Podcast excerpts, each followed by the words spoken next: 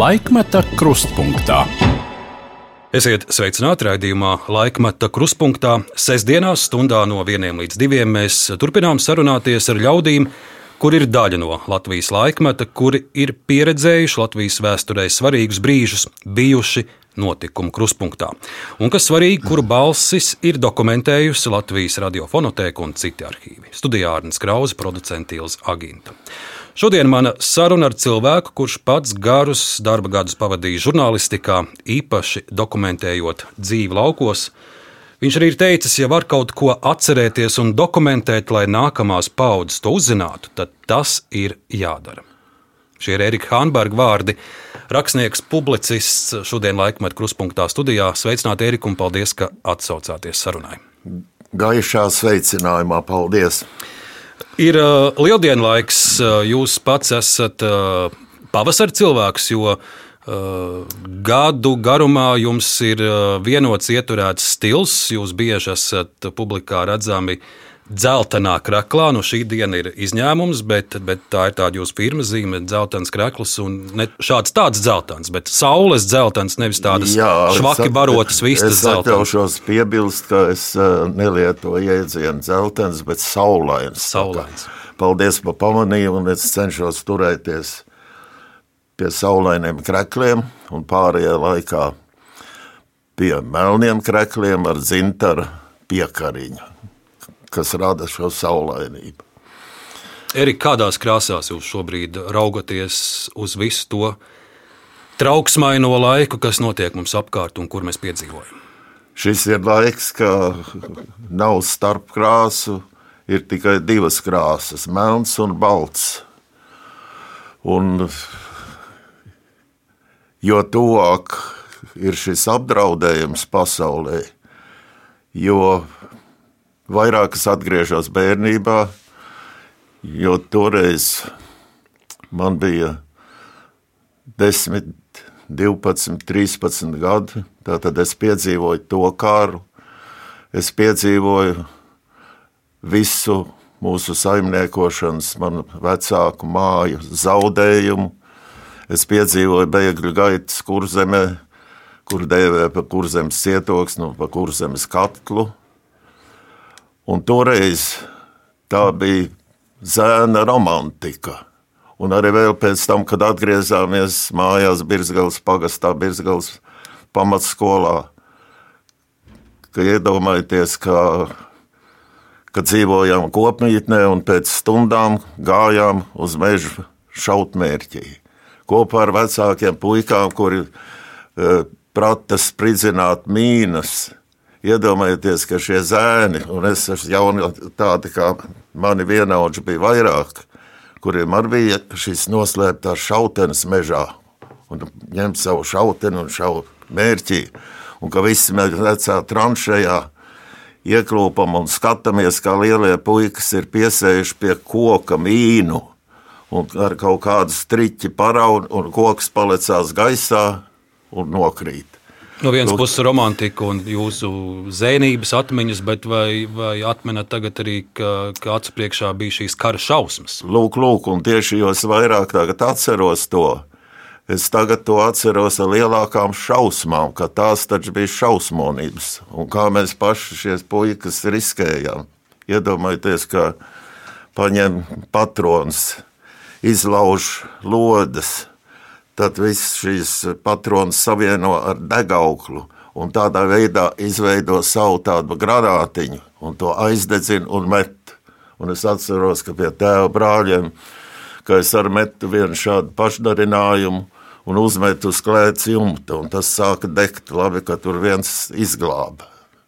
Tā kā katru šo soli un katru pieredzējumu, kas toreiz bija, var atcerēties ar, ar šausmām. Un šīs šausmas tuvojas tagad, un pasaule viss ir šo šausmu cenšanās novērst, saprast un apjēgt. Un es arī cenšos apjēgt, kā tas viss ir manas dzimtas, manas tautas, manas Eiropas, manas pasaules kontekstā. Jūs, kas esat acu priekšā pieredzējis īstu karu, Kāds bija jūsu 24. februāra rīts, kad uh, ieslēdzot radio un visās ziņās, uh, mēs uzzinām, ka sešos no rīta Krievija ir sākusi savu uzbrukumu Ukrainai? Es parasti sešos no rīta ieslēdzu radio un to uzdzirdēju. Un pilnīgi man liekas, ka es esmu vēl drusciņā tāda kā miega, nevaru saprast. Un pēc dažām minūtēm man piezvanīja radiniece. Ērika, vai tu dzirdēji, un kas tagad būs? Un šis kas tagad būs tālāk, šis jautājums joprojām mēs uzdodam sev un cit citam. Jūsu skats raugoties, cik varonīgi Ukrāņi cīnās. Jūs, protams, neesat ne, ne politiskais, ne militārais eksperts, tam ir citi ļaudis, bet nu jau, nu jau divi mēneši Ukrāņi stāv varonīgi pretī mm, agresoram. Kāds ir jūsu skats uz to visu, kas Ukrajinā notiek, un it sevišķi uz tām zvērībām, uz tām šausmām? Kā kaut kas tāds mūsu laikos ir iespējams, un, un ko, ko varēja darīt, lai tas nenotiktu? Es abrīnoju šo patriotismu un varonību, un šausminos līdz ar pasauli par šo slepkavnieciskumu. Un es domāju par pasauli, kā ka tieši tagad, Ukraiņas kara laikā, pasaule sāk apjēgt, kas ir Krievija. Un ka pasaule faktiski ir bijusi un joprojām ir sadalīta divās sfērās. Viena, kas veicina demokrātismu, un otra, kuras priekšgalā ir Krievija, kas veicina pakļaušanu. Un tagad nāk atmiņā arī ne tikai mana bērnība kara laikā, bet šīs atmiņas es cenšos papildināt ar vēsturiskiem dokumentējumiem, un tagad daudz vairāk es interesējos par 45. gadu. Un it īpaši literatūrā, dokumentālā, kur ir ne tikai pa stundai, pa dienām, pa mēnešiem, bet pa minūtēm dokumentēts, kā tajā laikā jautā eh, Roosevelts, Čerčils, Čerčils un Staļins pārdalīja Eiropu. Un te pierādījums arī tam, ka ne tikai ar vāru, bet arī ar viltību, ka šīs pārunas, kas notika trīs līderu un viņu delegāciju starp, ka viss notika ar tostiem jau sākot no rīta un ka Staļins, viss tas apkalpojušais personāls delegācija ielēja tik šņabi un pats veikli apmaina savu glāzi šņabi pret vīnu, un ka visi šie ārvalstu delegācijas pārstāv, ka visi jau no sākuma nepieraduši pie krievu šņaba, pie graņonis stakanu visiem tiem, ka viņi jau bija žvingulī. Un es tagad uzzinu arī šo Eh, Staļina viltība pret Rooseveltu, kuram ļoti garšoja krievu šampānietis un veselu lidmašīnas kravu Staļins aizgādā uz, uz Ameriku, lai, ja Čerčils nebūtu nomiris, viņam ilgi būtu ko dzert Staļina šampānieti. Tā kā lūk, visas šīs viltības un varmācības, tas tagad man maisās pa galvu un iespējams, ka man radīsies kāds atmiņu stāstījums par manu zēnību, par bērnu gaitām, kopsakarā ar, ar šiem citējumiem, kas notika tajā laikā fonā un kas notiek tagad. Bet Hanman kungs, vai nav tā, ka daudzus gadus uh, Krievija šādā žvingulī turēja arī rietumus vai tādā kā miegā? Nu, mēs redzam, ka Pat, piemēram, bijušais Vācijas kanclers Šrēders, eh, atstājot kanclera amatu, uzreiz jau gluži vai nākamā dienā nokļūst Krievijas Gazprom vadībā. Eh, tādā kā žvingulī daudz rietumos bija arī no Krievu oligarhu naudas. Un vai eh, tas, ka tikai tagad rietumi ierauga Putina dabu un, un ierauga šo nežēlību. Kas, kas bija tas?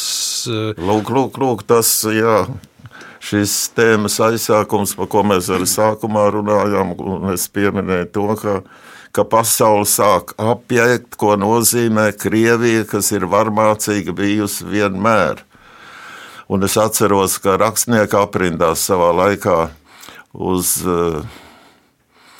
uz ilgāku periodu apklusināja Jāni Mauliņu, kurš savā, sauksim to par tādā naivumā, vienā lielajā sanāksmē raksturoja krievus, ka tiem ir no laiku galā vēsturiski uh, ir centieni bijis pakļaut citas tautības, un, un, un viņš to pateica tik, tik tieši un nepārprotami, kad uz ilgāku laiku Mauliņam bija liekta publicēšanās.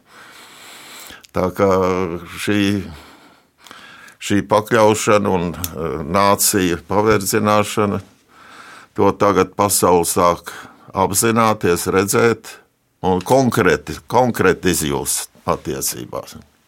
Kāds ir jūsu paredzējums, ar ko šis viss beigsies? Neviens nevar pateikt, kad tas beigsies, bet kaut kad tam ir jābeidzās, kad Krievija kā nācija kaut kad taču attapsies, bet attapšanās nevar būt no sevis. Tā tad ir, ir mums jāpalīdz attapties. Un es nezinu, kā to var palīdzēt, jo kļūst žēl tos krievus, kuri daudzi no tiem ir lādzīgi cilvēki, kas ir tā nozombēti, ka viņš ir pilnīgi ģīps par Putinu.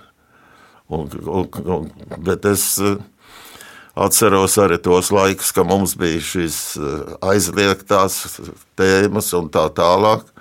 Bet mēs daudz ko jutām, daudz ko dzirdējām, daudz ko apjēdzām, ka mēs nebijām tik aiznagloti. Mēs bijām piesardzīgi, mēs pratām tādā laikā ne tikai izdzīvot, bet dzīvot. Bet man liekas, ka mēs eh, daudz vairāk zinājām. Un tāpēc ir nožēlojami, ka šo daudzu gadu garumā Krievija kā nācija ir tik nozombēta.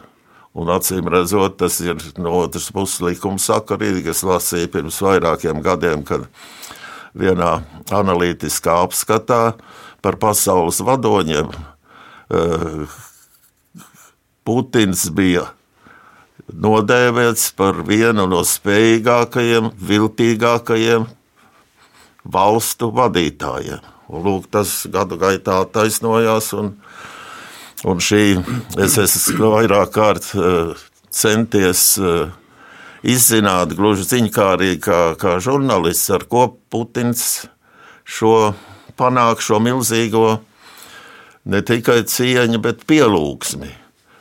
Un ir vairāk fakti, ka tādās lielajās uh, sarunās, kad viņš runā ar visiem miljoniem, Tātad šīs tā saucamās preses konferences, vienalga kā tas ir, ka, piemēram, piezvana viena daudzbērnu māte, ka to tā un tā, un viņa tiek pie dzīvokļa, un tā, tā, tā, tā. tā.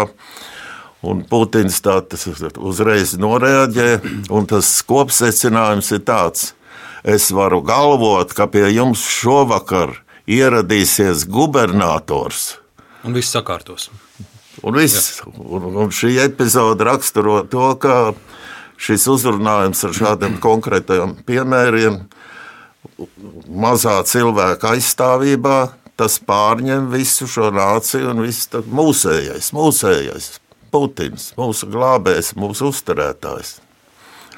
Par kapitālisma ielenkums tas man nāk prātā no manas bērnības, no skološanās, no studiju laikiem, kad trūka vai nu sviests, vai cukurs, vai vēl kaut kas. Mēs sapratām, padomu ļaudis, ka mēs esam kapitalistiskā ielenkumā, un tāpēc mums ir jāturās, jābruņojas un tā tālāk, un jāpiecieš. Ka šobrīd nav tas un tas.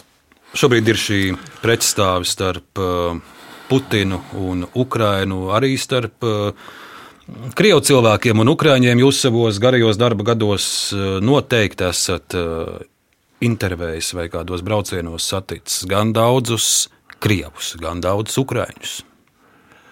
Jā, un man kādreiz, tad, kad bija neatkarības sākuma mēneši un sākami gadi, es diskutēju ar mūsu neatkarīgās rītāvijas autoru un arī laika gaitā ģimenes draugu, lai gan mums bieži vien bija arī strīdi ar Visvaldu Lāci. Jo toreiz es arī Jakubāna Hānberga un Mihaila Soifera vadītajā laikrakstā pauda domu, ka šis ir tas laiks, ka Krievijas skolās ir aktīvi jā, jādodas latviešu skolotājiem, lai varētu apgūt, jo tas bija tas laiks, ka viņi vēl labprāt gribēja to.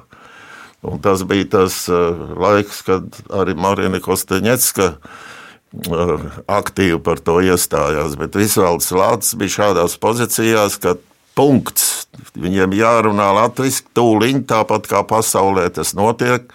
Un šajā strīdā es zaudēju, un es domāju, ka mēs daudz ko zaudējam, ja mēs būtu toreiz šiem krieviem, kuri bija vēlīgāk noskaņoti, ka mēs būtu viņus vairāk iesaistījuši Latvijā un vairāk viņi būtu kļuvuši latviskāki nekā tagad. Bet tas, kas ir pa vēlu, tas pa vēlu jādomā kā tagad, ko un kā tas nav vairs tik vienkārši. Un mēs eh, naivi iedomājamies, ka tā paudze, kara laika paudze, ka tā aizies mūžībā un ka šī eh, iekšējā pretstāve un šis 9. Eh, maija svinību demonstrējums, kas kļūst ar vien plašāks un agresīvāks, ka tāds vairs nebūs. Bet, bet dzīve pierāda pretējo. Par 9. maiju droši vien var teikt to pašu, ka mēs tur varbūt par vēlu arī pamanījām, par ko pārvērš 9. maija pārdagavā, jo pirmajos neatkarības gados tā bija ziedu nolikšana, kur pārsvarā seniori gāja un pieminēja savus tēvus, vectēvus, nolika puķus, tad burtiski pāris gados tas pārvērtās par, par nu, ne gluži šovu, bet tur bija skatuve un mūziķi, un gaismas, jā, un, un skaņa jā, un jā. uguņošana, jā. Krievijas vēstniecības apmaksāta. Un 9. maija uh, mums tuvojas. Mēs zinām, ka saima ir pieņēmusi vairākus lēmumus, bet uh, kā jūs redzat, vai vēl ir iespējams kādā, kādā veidā uzrunāt krievu ļaudis un paskaidrot to? Protams, uh, tas ir darīts nemitīgi, bet kā paskaidrot, ka Mums 9. maija nav uzvaras diena, bet ir okupācijas diena. Mēs pieminam, mēs pieminam arī savus tuviniekus, kuri ir dienējuši padomju armijā un krituši. Un tādi, ir, tādi bija tūkstošiem, bet mēs viņus pieminam 8. maijā. Jā. Savā laikā, kad eh, mēs kopā ar Uh, Alfrēdu Čepānu, Jānu Peteru un Dainu Īvānu bijām 19. partijas konferences delegāti Maskavā. Un, kad atgriezāmies, tad mums bija jātiekās darba kolektīvos, jāstāst.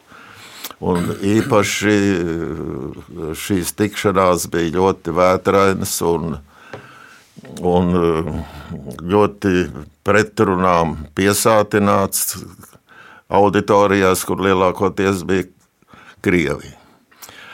Un tad es rosināju, mēs arī pārunājām ar, ar, ar Dainu, un Alfredu un Jāni.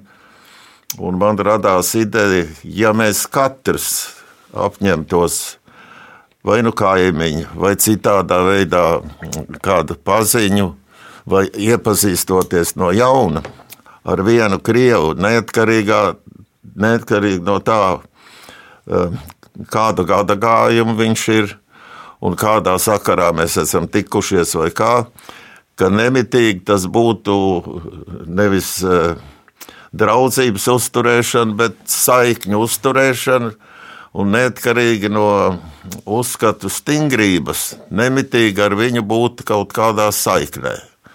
Varbūt tā ir utopija, varbūt tagad vēl to var izdarīt. Iespējams, ka jā. Bet varbūt tas ir pārāk naivi, kā, kā Eriks Hānbergs iedomājās. Ja mēs katrs vienu krievu, arī visu to agresīvāko. Tu un es, tev un es, kaimiņš, un visi mēs apņemtos vienu, katrs vienu tikai.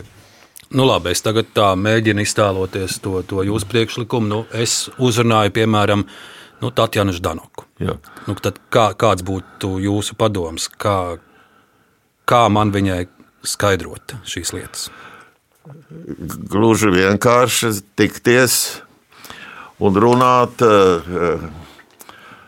kā jau ar cilvēku, kurš ir pilnīgi diametrāli pretējos uzskatos. Mēs taču bieži vien arī paši savā starpā līdz Baltkvēli nonākam. Un kāpēc gan ne ar Štānoku?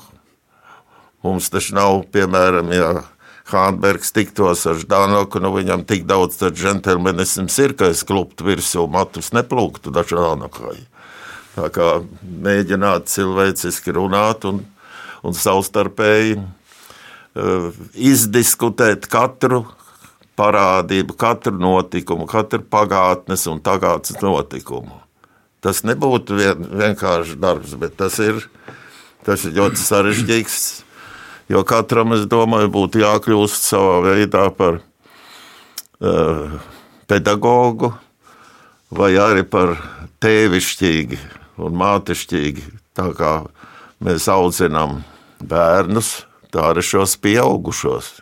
Jo bieži vien pieaugušais izturās bērnišķīgāk nekā bērns. Kādēļ es pieminu Danoku, jo šobrīd, ja mēs raugamies uz uh, partiju reitingiem, un šis ir saimnes vēlēšanu gads.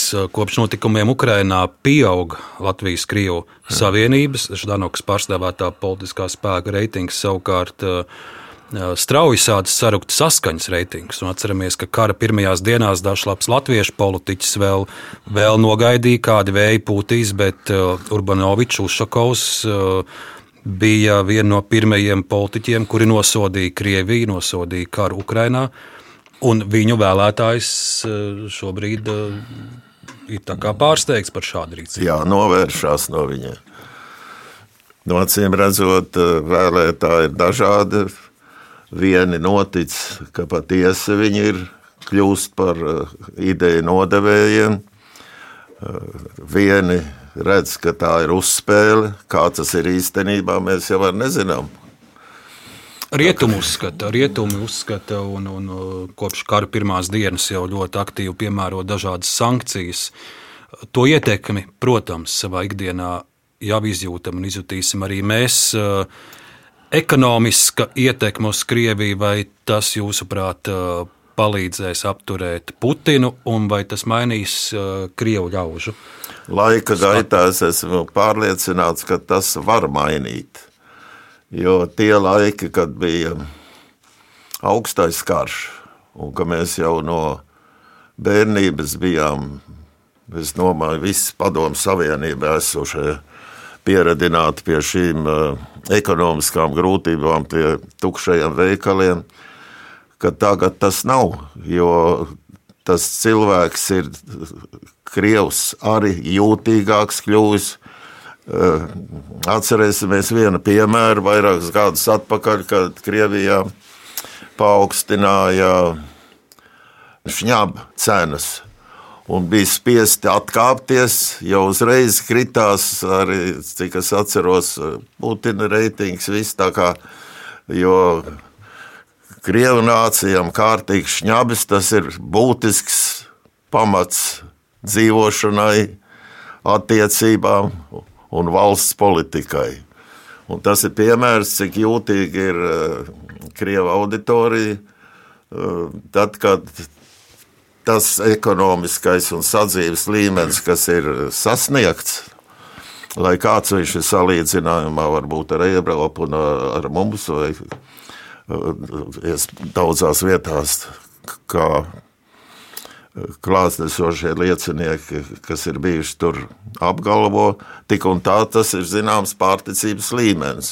Un, ja tagad tas viss pamazām krītās, kaut kādai reakcijai jābūt. Es esmu dziļi pārliecināts, ka tādā veidā, un ka cik ilgi var stāstīt, ka tagad tie no lādētie kapitālisti atkal nāk virsū, un mums tā, tā, tā, cik ilgi tad var to stāstīt. Haimarkungs, vēl es pie politikas paliekot un noslēdzot šo sadaļu, vēlētos dzirdēt arī jūsu vērtējumu, jūsu pārdomas par, par Latvijas politiķiem, par mūsu vadošajiem valsts vīriem, kā viņiem izdodas šajā trauksmainajā un mutuļojošajā jūrā, kas pēdējos gados ir gan saistībā ar Ukrajinu, gan ar, ar visu, kas bija Covid laikā, kā viņiem izdodas, cik stabili laivu noturēt, Es, un eh, noturēt.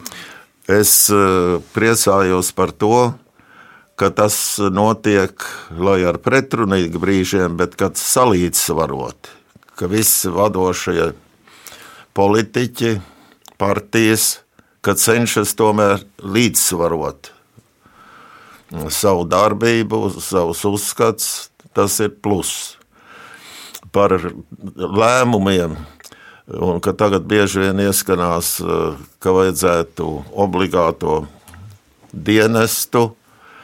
Eh, Par to es esmu domājis arī agrāk, un es atkal atceros bērnību, kad manā bērnībā, kad arī tur mūsu lauka aprindās bija gan virsnieki, gan ierindnieki.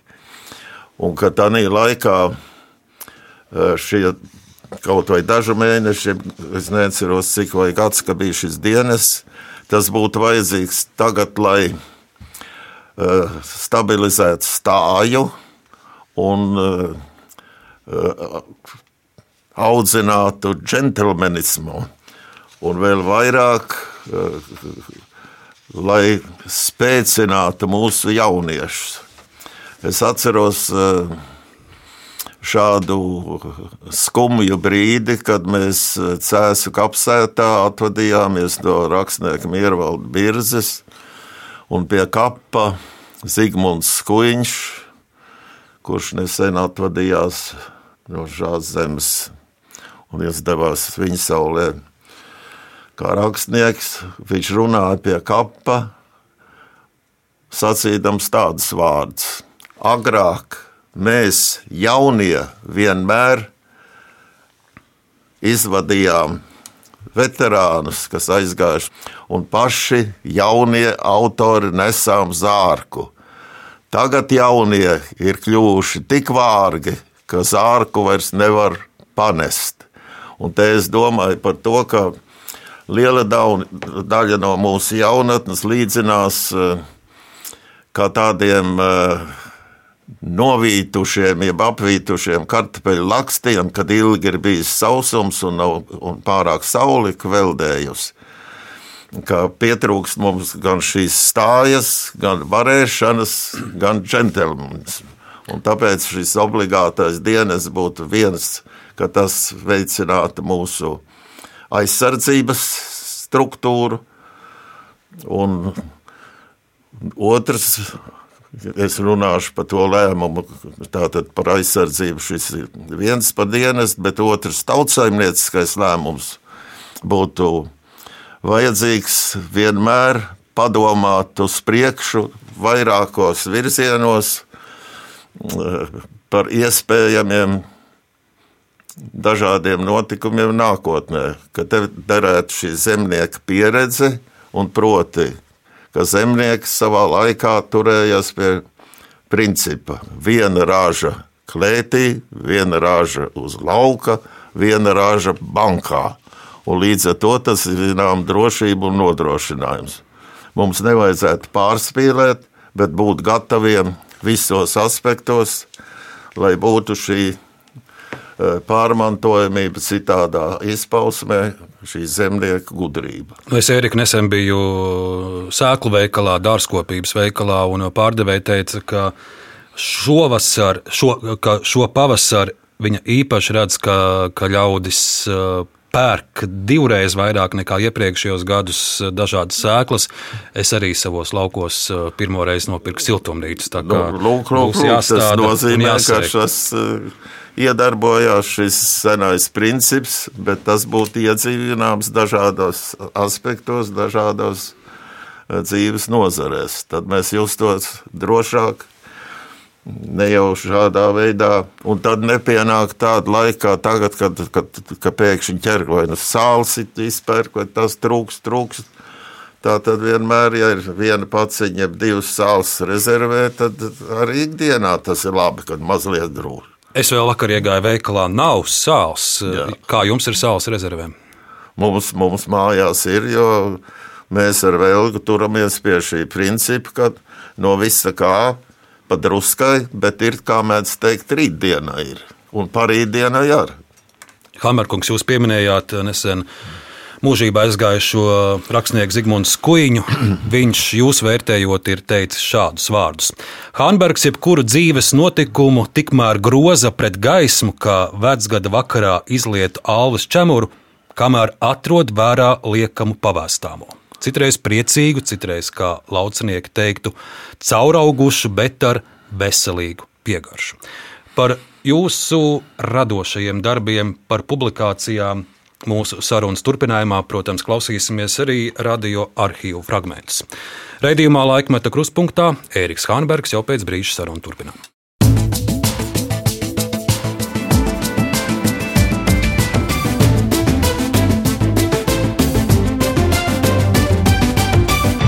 Laikmeta krustpunktā.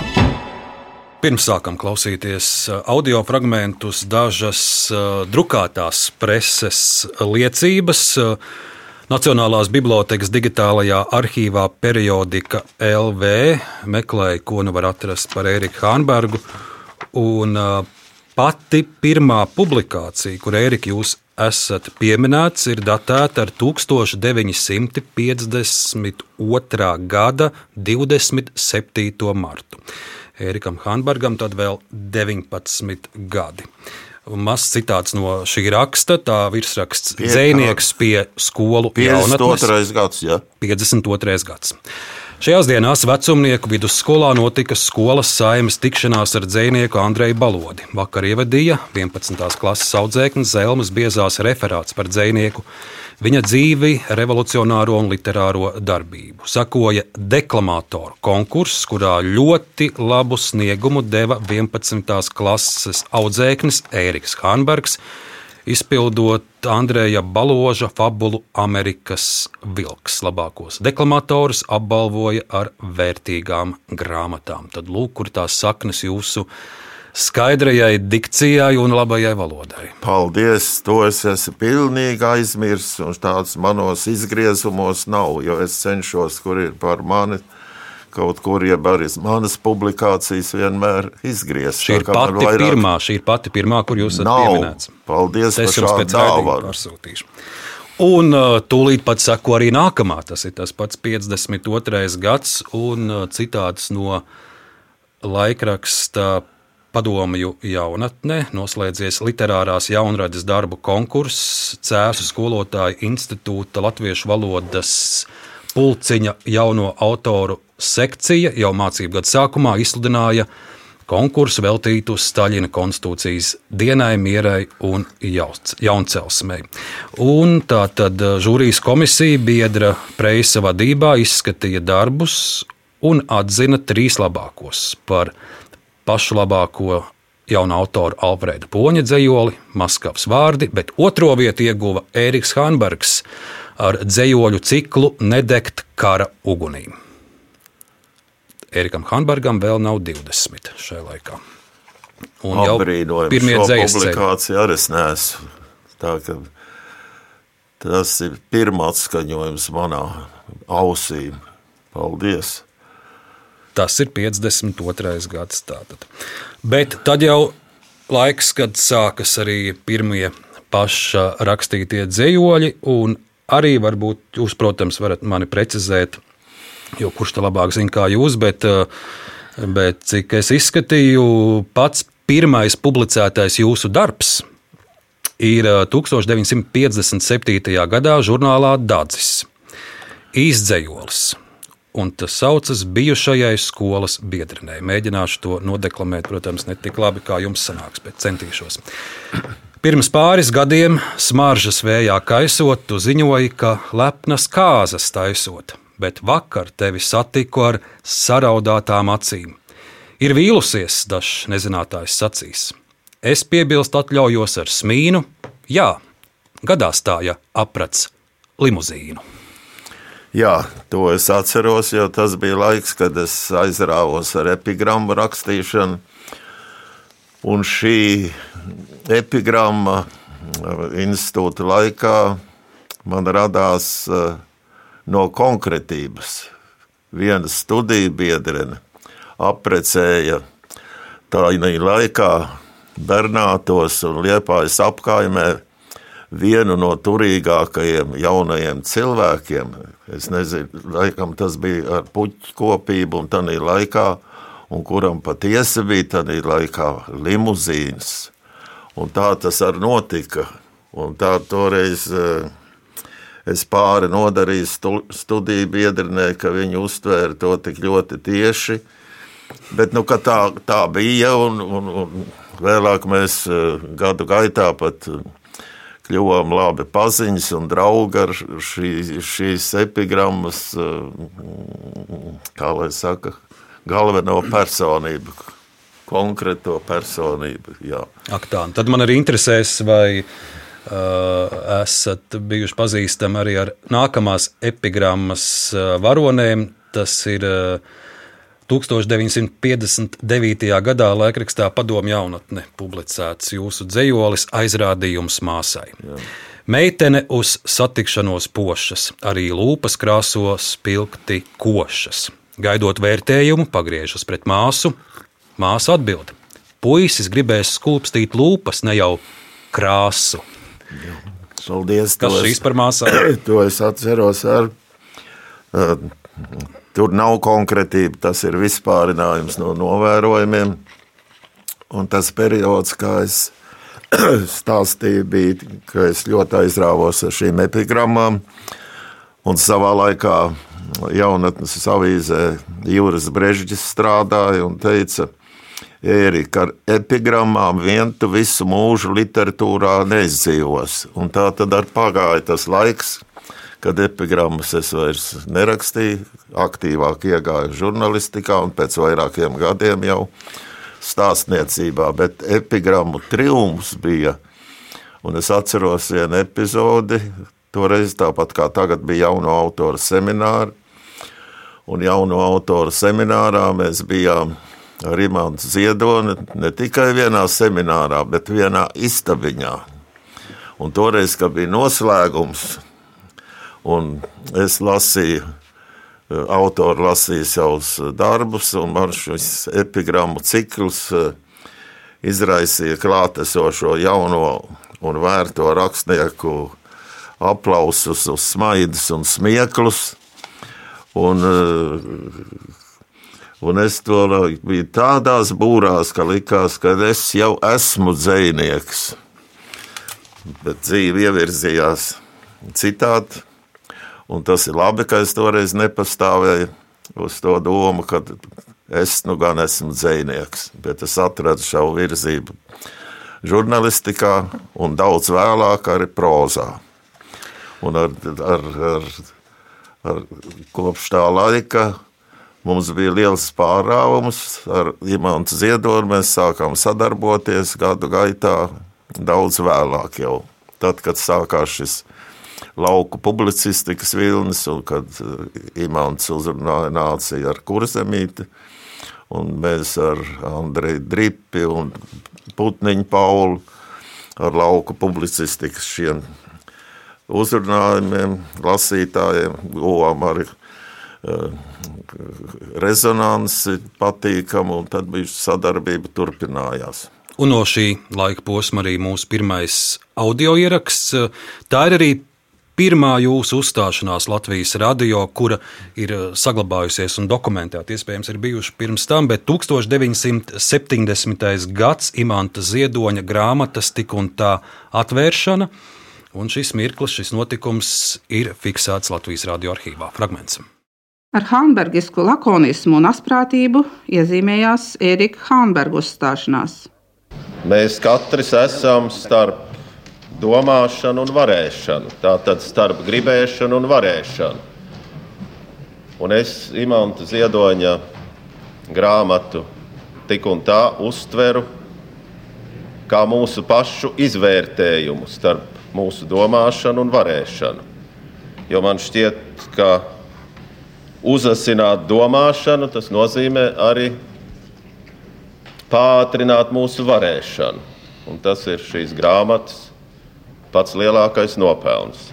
Runājot par Imants Ziedoņa grāmatu, man šķiet, ka viņš ir fiksējis nevis pabeigtību, bet viņš ir fiksējis mainību.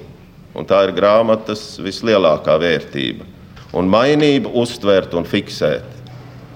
Tur ir vajadzīgs liels talants, un šo talantu kāds imantam ziedonim ir. Viņš ir licis lietā, un tāpēc ir radusies šī grāmata, kas tā ietekmē sabiedrību. Tas ir dialogs ar sabiedrību, trauksmains dialogs.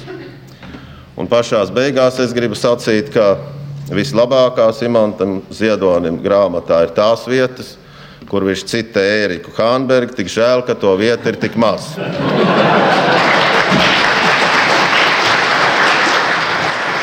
Un izskaņā nedaudz dzirdam arī Imants Ziedoņa smieklus. Tā 1970. gadā tik un tā atvēršanā saka 37 gadus vecais Ēriks Hānbergs. Jā, paldies. Tas arī pilnīgi bija izgājis no prāta. Man paldies par šiem brīnišķīgiem atgādinājumiem. Latvijas radio arhīvs, protams, glabā arī vairākus jūsu stāstus pats esat teicis, ka no grāmatām jums šķiet tā visveiksmīgākā pirmā grēka līcis. Tā arī ir iestudēta Latvijas radioteātrī, bet šodien es vēlos atskaņot pirmo radio ierakstīto jūsu stāstu. 1979. gads stāsts ķirbji lasa Tālvalds Aboliņš. Fragments. Sākās parastas darbdienas, parasts rīts. Vairums jau bija noskrējis. Āgenskalna priežu rajona pieturā taksometru rinda stiepās garumā, kā jau vienādiņa šajā stundā. Un kā vienmēr, šoferis ķendējās par aplam sastādītu grafiku un pēles kopuļus, kas gatavi žmaidzīties trolejbusos, bet nenovēl rublīti nabaga vizinātājiem. Vai manu beigposmā ātrbraucēji viens otru kušināja, katram jānesot savs krusts. Varbūt līdz maiņas beigām plānu saskrapstīšot un jāpalaimēšoties. Kāds kapeiķis iebiršot pa virsmu. Parunāšanos pārcirta pasažieris ielocīdamies pirmajā taksometrā. Iekams šoferis atrāvās no bariņa, kas sēdēja uz soliņa pretim laikraksta vitrīnai. Braukt gribētājs izlasīja mašīnas vadītāja vizītkarti. Koks, koks, Artūrs Janovičs. Pirms motors sāka drebēt, Klients jau bija novērtēts. Hm. Stiegrens pensionārs. Pēc drānām spriežot, saņem visaugstāko, bet rādās sīksts. Gatavs pierādīt, ka pa citu ielu braucot iznāktu tuvāk. Vienīgais labums, kā tādiem nav garlaicīgi tārkšķi par visu, ko. Nu, uz kurien laižam? Ārpus Rīgas. Uz vecumnieku pusi. Nu, es tikai papilsētu. Ka nē, nē. Lūk, tā tālvalds Āboliņš 1979. gadā stāsta ķirbi. Tagad radiofonā mēs bieži dzirdam Gundarā Boliņu lasot uh, fragmentus, grāmatu fragmentus. Uh, šāds dokumentējums. Paldies par šiem dokumentējumiem. Vai es uh, izteikti drīkstētu ar vienu ierosinājumu? Lūdzu. Mēs dzirdējām Hānberga uzstāšanos. Imants Ziedonis grāmatas vaļā vēršanā. Un mēs ar Imantu Ziedoni 15 gadus kopā ar Aivaru Berķu un Dainu Bruņinieci lauku sētu konkursu uzturējām. Un mums savstarpējības bija uh, homolīgas, caurnesošas un vis visādas.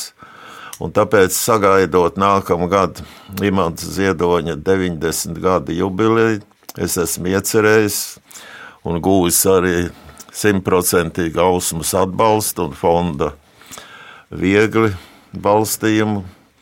Un proti, ka es veidotu grāmatu Amizantais Imants Ziedonis, kur būtu katrs, kas ir bijis mazākās vai ilgākās saskarsmēs ar ziedoni un atcerās kādu omulīgu epizodi, Un es zinu, ka ļoti daudziem ir omulīgi imanta ieraksti viņa paša grāmatās, gan viesu grāmatās, gan ir notikumi dažādi. Un šos visus eh, es mēģinātu ietvert vienā grāmatā amizantais Imants Ziedonis un varētu nākamā gada Imanta 90 gadu piemiņas gadskārtā vērt vaļā arī ar smaidu un smiekliem kopīgi. Un 90 gadi nākamgad ne tikai Imantam Ziedonim, Bet, eh, bet arī Erikam Hanbergam. Es, eh, paldies par piebildi, bet Eriks Hānbergs kaut vai ar šo grāmatu vien būtu savu jubileju nosvinējis eh, piemiņā daudzinādams Imants Ziedoni. Un šai sakarā, es, ja mēs runājam par tādām omulībām, man gribas izteikt arī savu savu vērtējumu par sabiedrību, ka mēs par maz sabiedrībā ir optimisma, vairāk ir nīgruma, nervozitātes, un tāpēc cik vien var gadu gaitā es esmu centies kopā ar Jāni Čuzulu 17 gadus vadot ar Rīgas Latviešu biedrības omulību klubiņu, veicināt nācijas smaidus un smieklus veicinot arī kolēģi grāmatas izdošanas.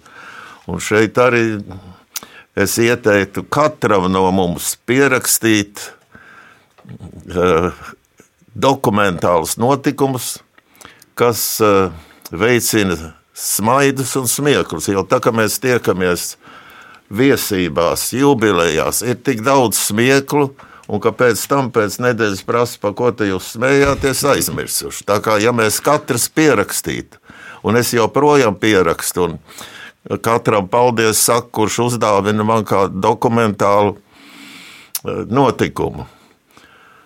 Piemēram, mūsu omulību klubiņu ja no līdzpulsinātājiem Sandra Jansona uzdāvināja brīnišķīgu dokumentējumu.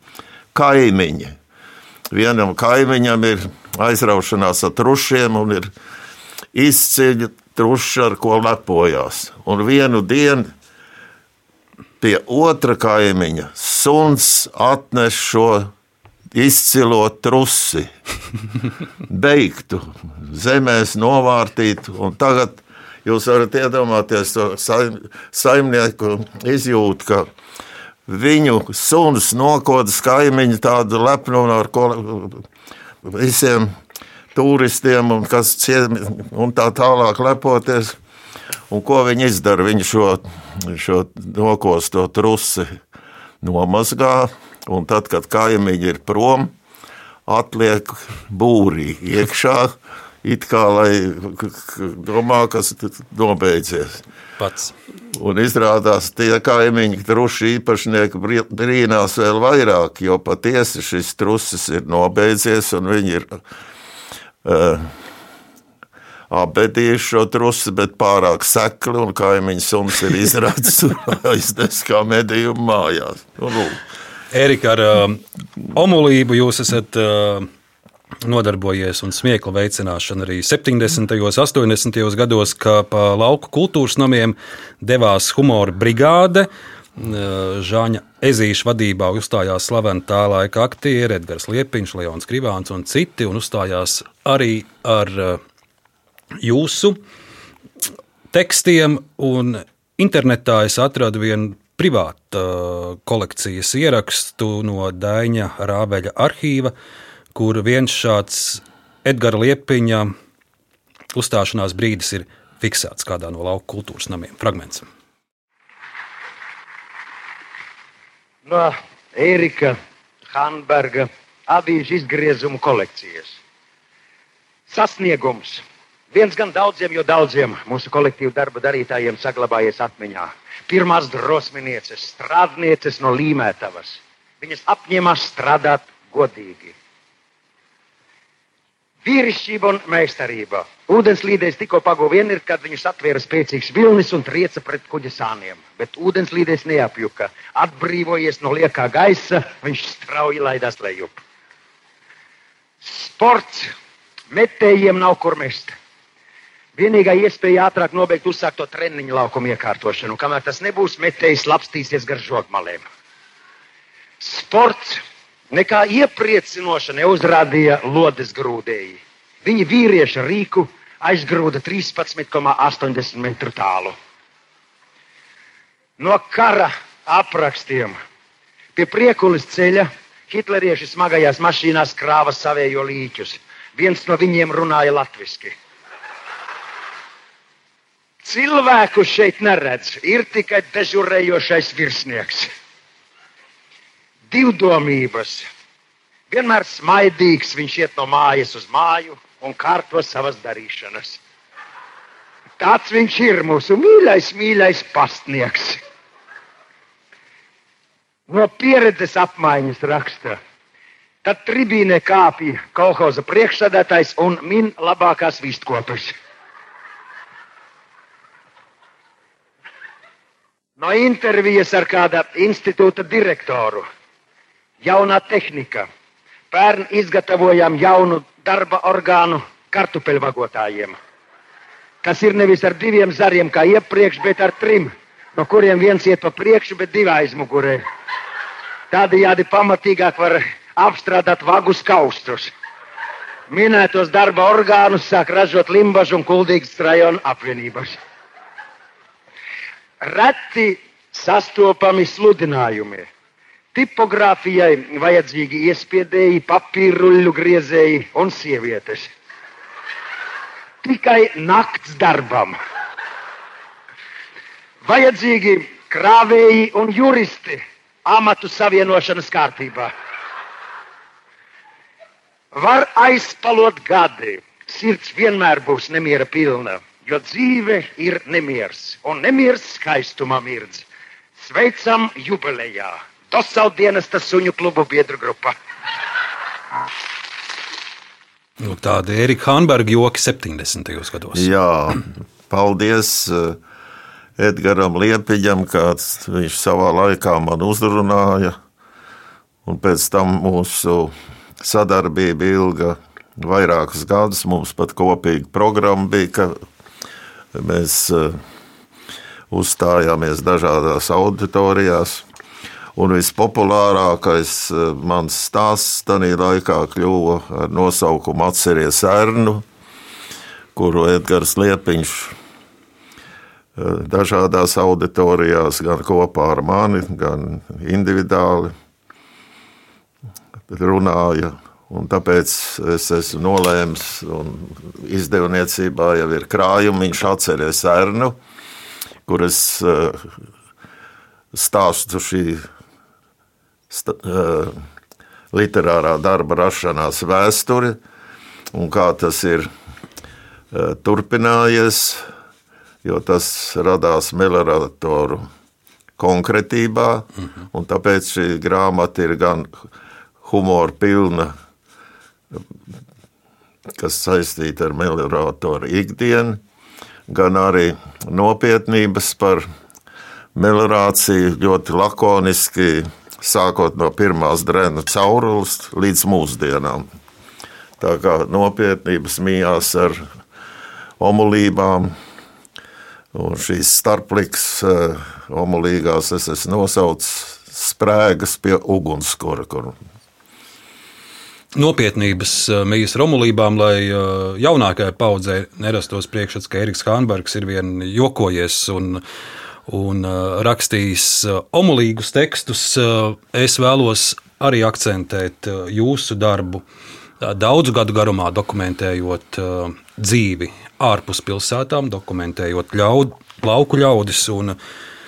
Jums bija sadarbība arī ar Rīgas kinostudiju, strādājot pie scenārija virknēm filmu. Es minēšu dažas - Valatas mantinieki, draugi, kāzu fotografija, Talsu eksperiments arī miljonāram jāstrādā un citas. Un labā ziņa ir tā, Erika, ka šobrīd uh, liela daļa no šīm filmām ir digitalizētas, kā tagad saka, un mājaslapā redzi dzirdi Latviju.CLV viņas var arī apskatīt. Un uh, mūsu šīs dienas sarunai es izvēlējos fragment no filmas Nīgrandes magnēts, arī tādēļ, ka tur var dzirdēt jūsu balsi, un uh, klausītāji īsumā tas ir stāsts par Saldus rajona kolhoza jaunais komunārs sasniegumiem un arī par kolhoza leģendāro priekšsādātāju Jāni Blūmu. Lūk, fragments.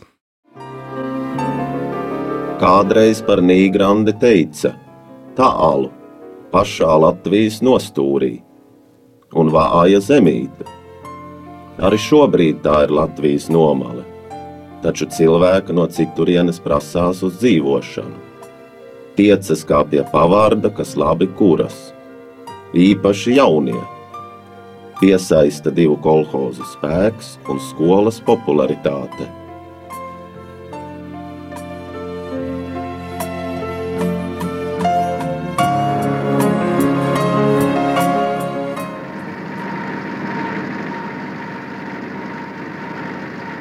Dzīvē daudz kas aizmirstas.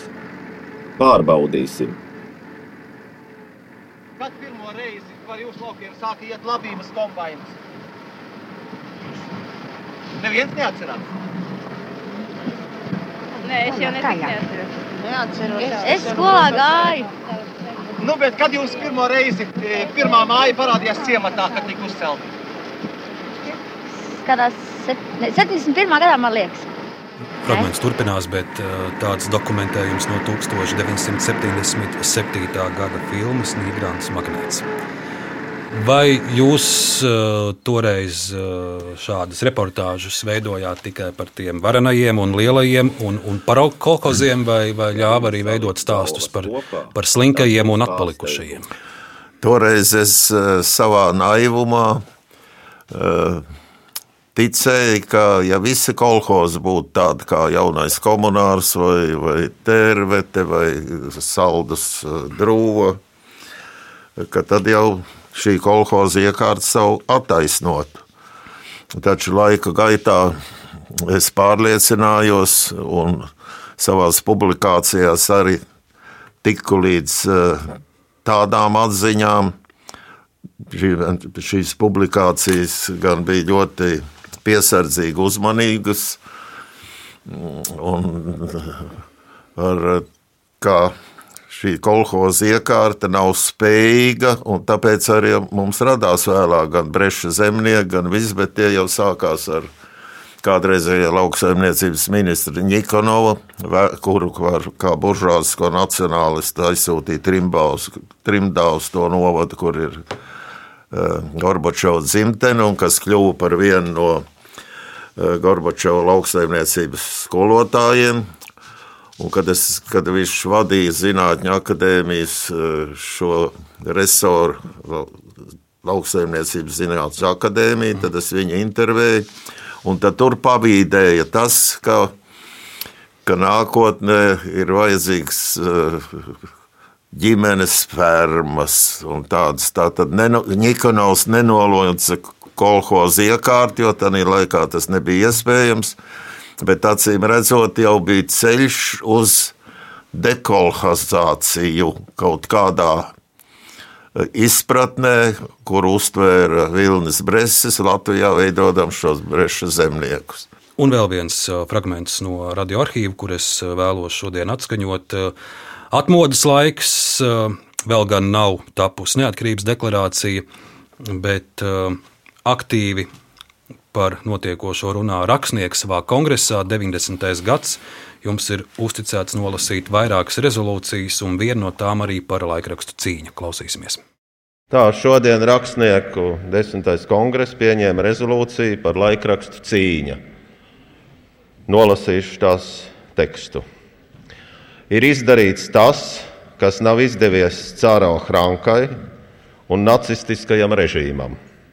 1990. gada 24. maijā partija, kas patvarīgi piesavinājusies Latvijas vārdu, savas centrāla komitejas trešajā plēnumā pieņēmusi lēmumu apturēt laikraksta cīņa redakcijas darbību par nepakļaušanos šīs partijas organizācijas ietekmei.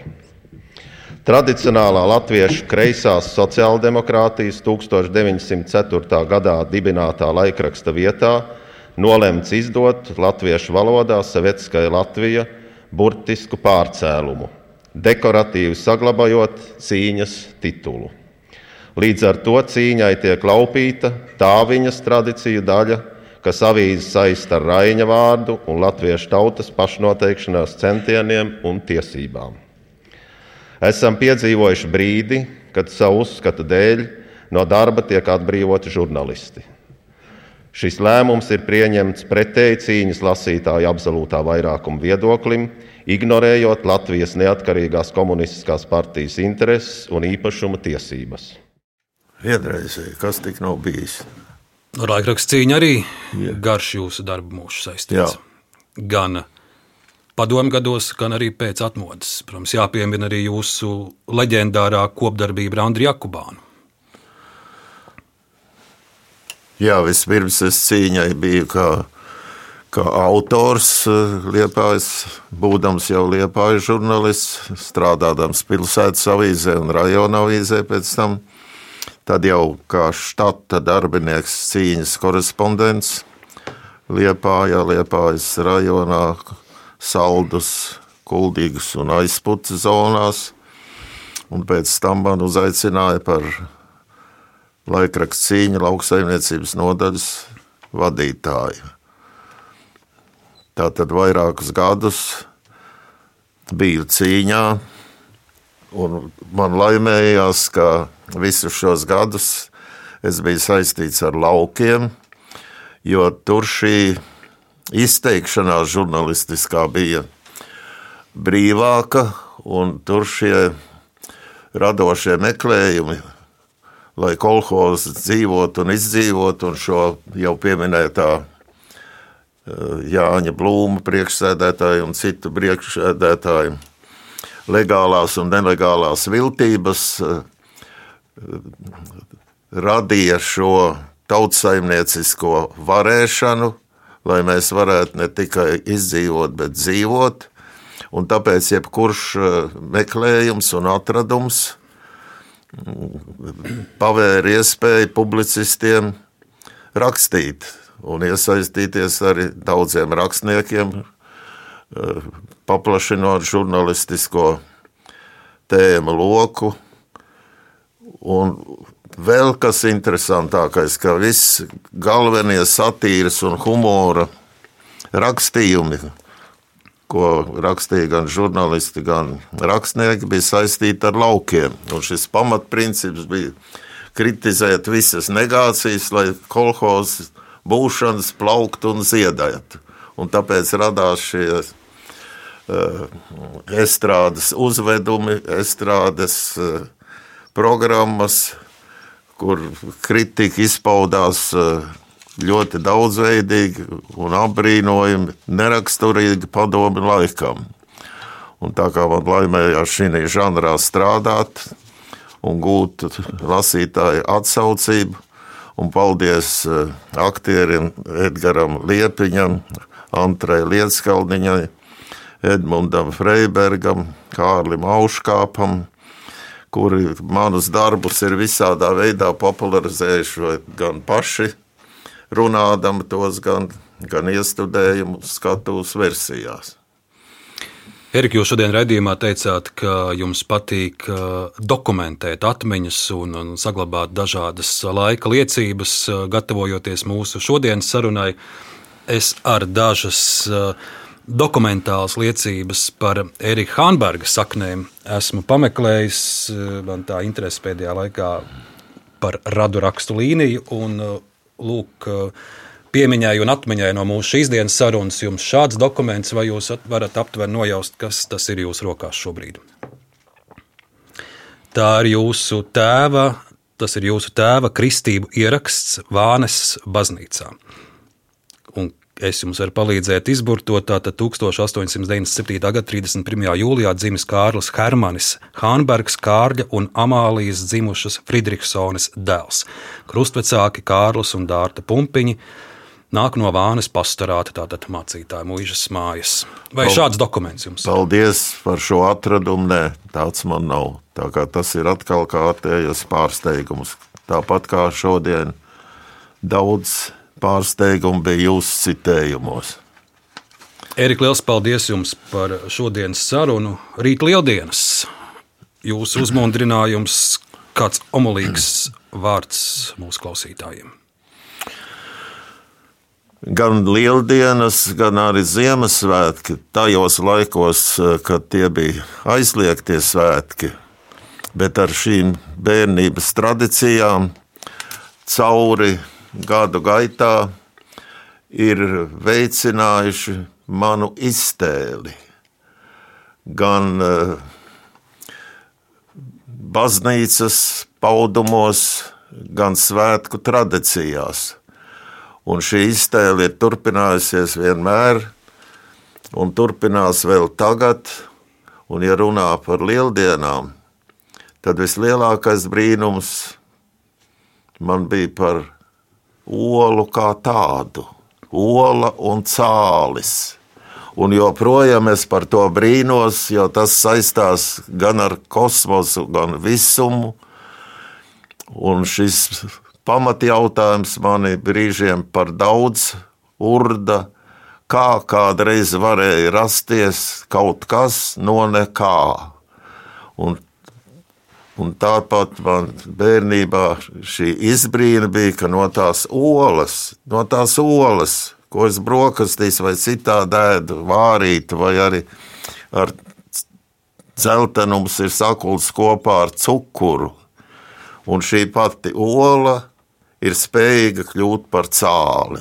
Tā kā mans bērnības jautājums par cāli un olu ir pāraudzis visumā, bezgalībā, uztveramībā un neustveramībā. Un es novēlu jebkuram svinēt svētkus sirsnībā, savstarpējībā un optimismā.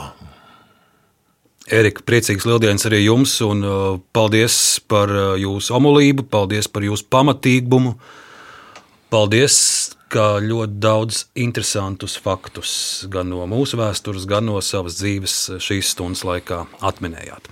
Un paldies par tiem hamburģismiem, jūsu īpašajiem vārdiem, kurus mēs arī šodien dzirdējām. Paldies par iespēju sarunāties ar tik milzīgu auditoriju.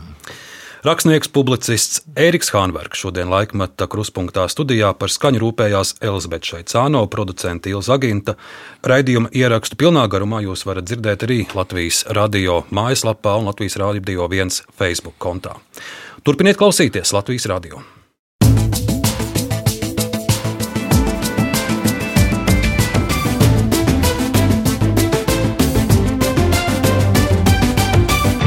Laikmeta krustpunktā.